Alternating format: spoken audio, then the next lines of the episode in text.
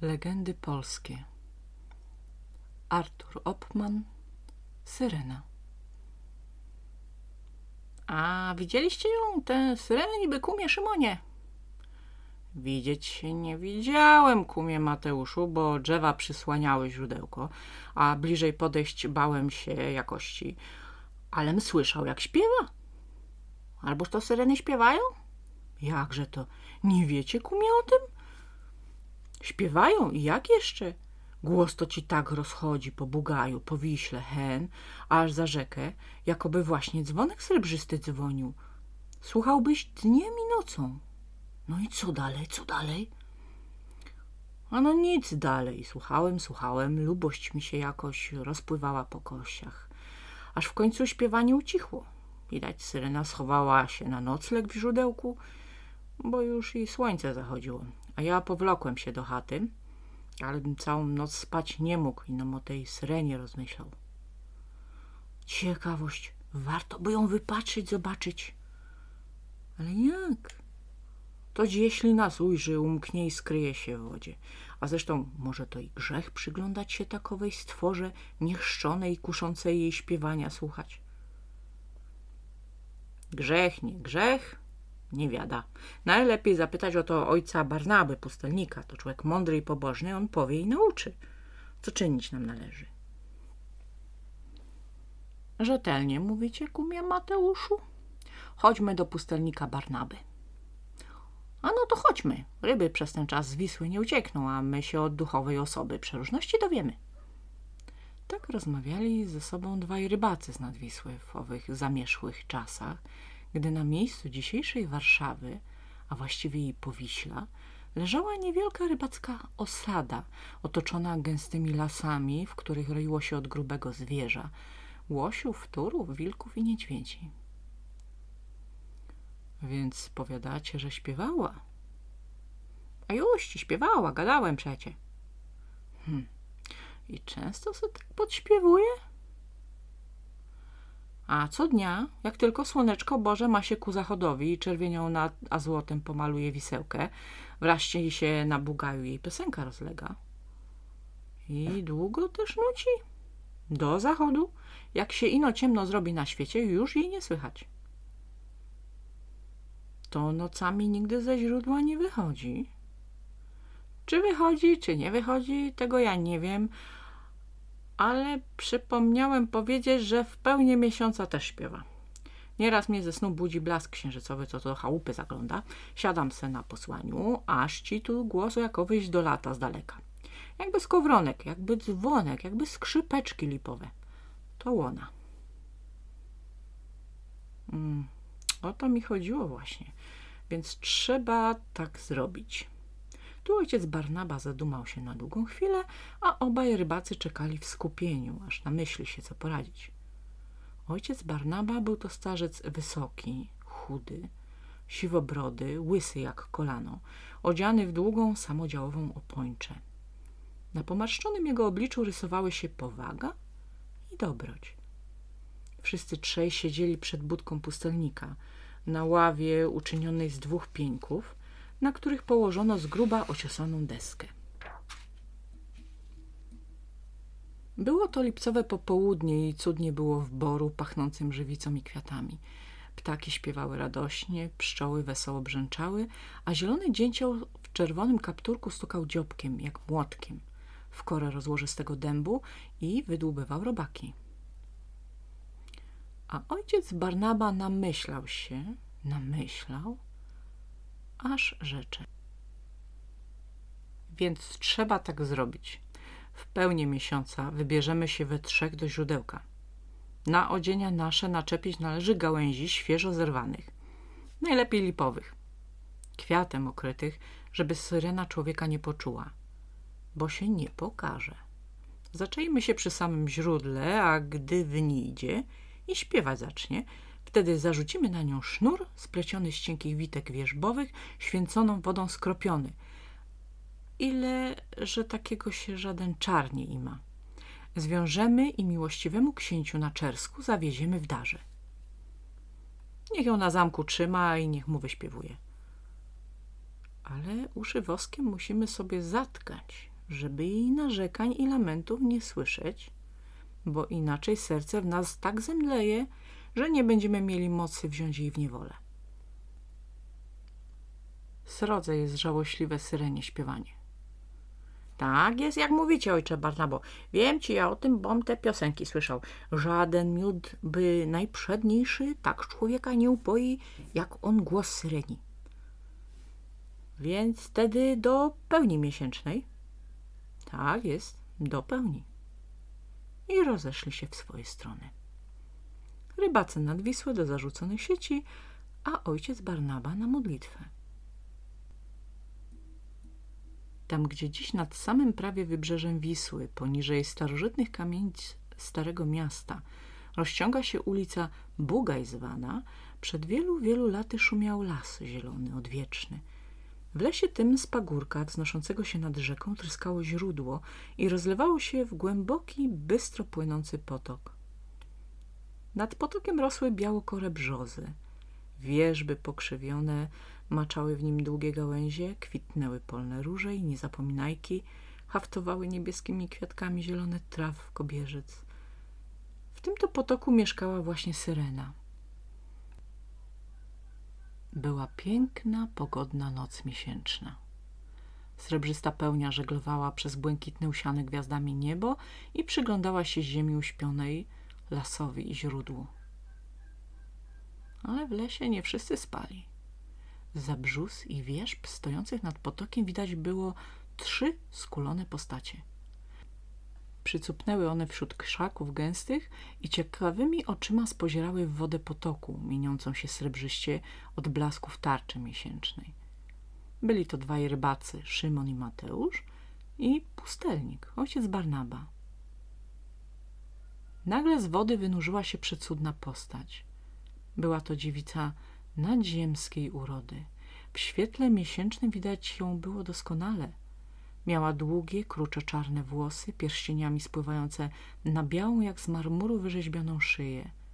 Szafirowe jej oczy, wzniesione ku pełni, patrzyły dziwnie przejmująco i smutno. A ozdobiona lekkim rumieńcem twarzyczka takim tchnęła czarodziejskim urokiem, że przyglądającym się jej rybakom aż serce zamarło ze wzruszenia. Syrena chwilę trwała w milczeniu, zapatrzona w niebo i w gwiazdy.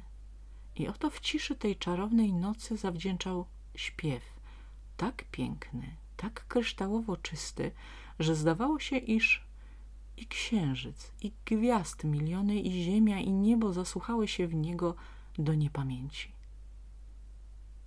Wtem z krzaku, cicho, bez szelestu, wyskoczyły owe trzy postacie i nie tak szybko rzuca się ryś drapieżny na przebiegającą łanię, jak oni rzucili się na syrenę. Skrępowali ją powrósłem, z witek wierzbowych splecionym i wyciągnęli z wody na murawę. Próżno się szamotała nieszczęsna, próżno ich ludzkim, a cudnym zaklinała głosem. Głos ten wzruszyć ich nie mógł, gdyż wedle rady ojca Barnaby uszy mieli woskiem szczelnie zatkane. Co teraz począć? Co z nią począć? Jeli się pytać obaj rybacy zdyszanym gorączkowym głosem. Co począć? rzeknie pustelnik. Poczekajcie, zaraz wam powiem. Nim ją do jego miłości księcia na czersku zawieziem, a wieść przecież nie będziemy po nocy, zamkniemy syrenę w oborze, a pilnować jej będzie Staszek, pastuch gromadzkiego bydła. Skoro świt zaś, wóz drabiniasty sianem wymościm i jazda do Czerska. Dobrze mówię? Dobrze mówicie, ojcze Barnabo, mądrze mówicie. Miesiąc świecił tuż nad polanką, gdzie rybacy złożyli skrępowaną syrenę i widać ją było wybornie. Do pasa była to, jak się już rzekło, panna, nad podziw urodziwa, od pasa zaś ryba srebrzystą łuską błyszcząca. Leżała biedna bez ruchu, z zawartymi cudnymi oczami, ręce wzdłuż ciała opuściwszy i tylko rybi ogon długi jak giętki uderzał kiedy niekiedy o ziemię zupełnie jak u wyjętego z wody karpia lub szczupaka. Czas nam drogę, przemówił pustelnik. Bierzcie ją. Szymon i Mateusz dźwignęli syrenę i ponieśli ją w stronę wioski. Otwieraj, Staszku. Otwieraj, no co prędzej. Cóż to? Zarżnęli cię zbóje, że się nie ruszasz? Nie gramol się, Gamoniu, skorzej, skorzej! I rozległy się głośne uderzenia krzepkich pięści Szymona i Mateusza we wrota obory. Oni to bowiem wraz z pustelnikiem Barnabą dobijali się uporczywie do wielkiego drewnianego budynku, w którego ścianach przez wyrzezane otwory widać było rogate łby i mokre pyski licznych krów. No co tam, kto tam, to już idę, idę. A któż to tam tak łomoce po nocy, pali się czy co takiego?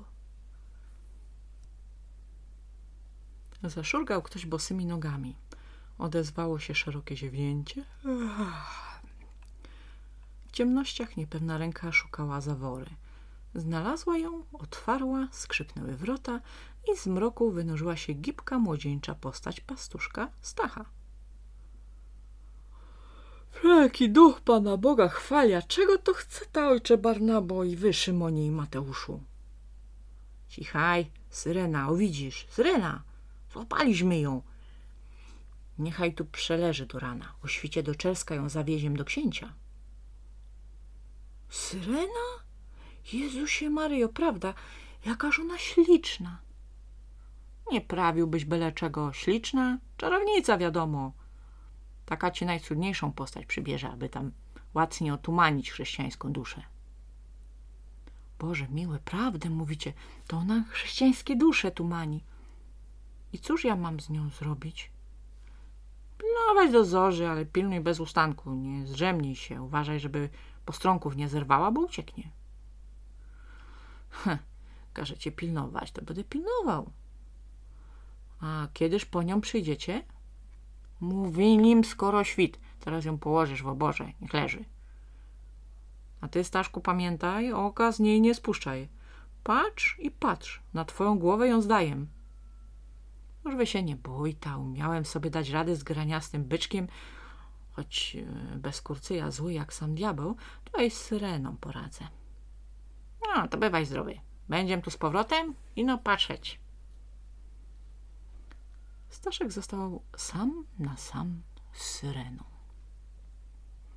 Leżała ona pod ścianą obory, na wprost jednego z otworów okiennych, w przeciwległej ścianie wyciętych a Staszek siadł naprzeciwko i tak jak mu rozkazali, patrzył w nią bacznie i oczu z dziwowiska nie spuszczał. Miesiąc świecił w ten otwór ścienny mocnym blaskiem i osrebrzał cudną twarzyczkę syreny, w której to twarzyczce jaśniały jak gwiazdy modre, wilgotne od łez przesmutne oczy.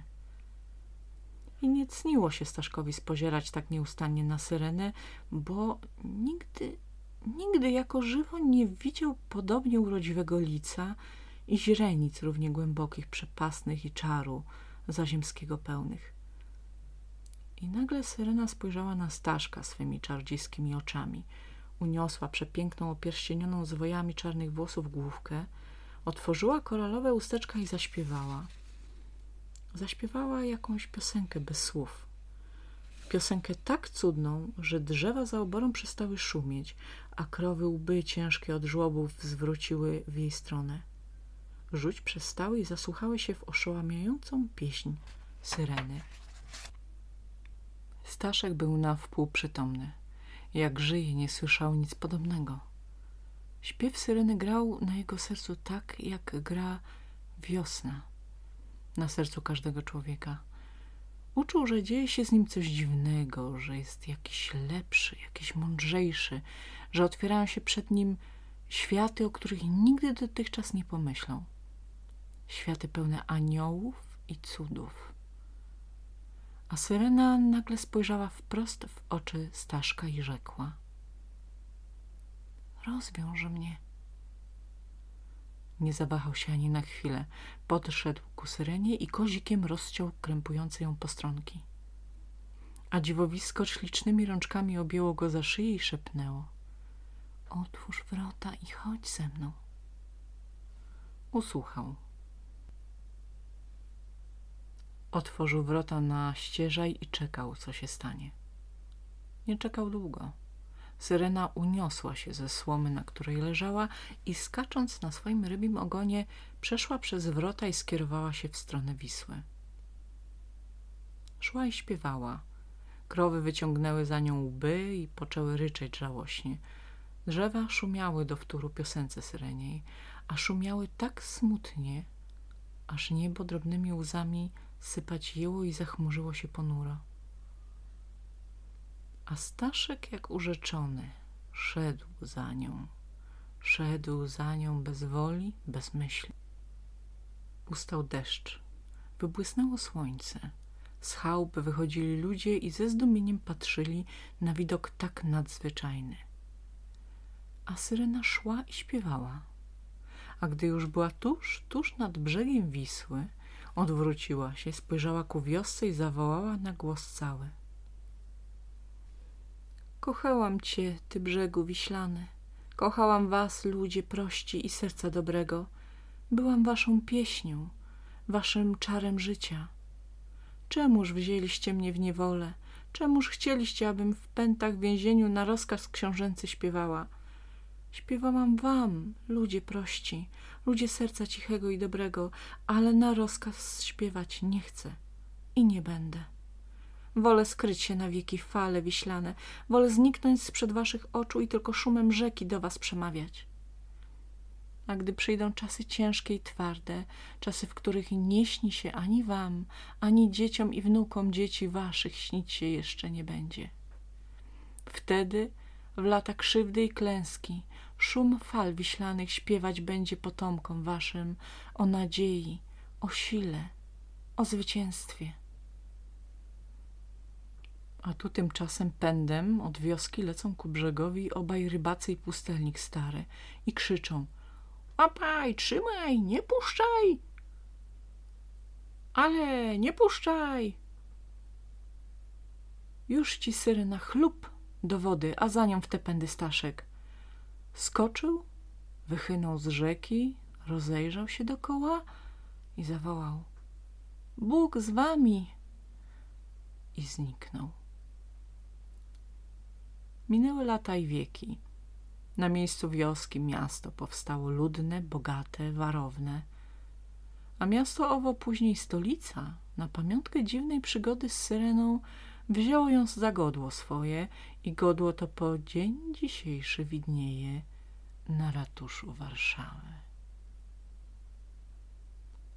Koniec.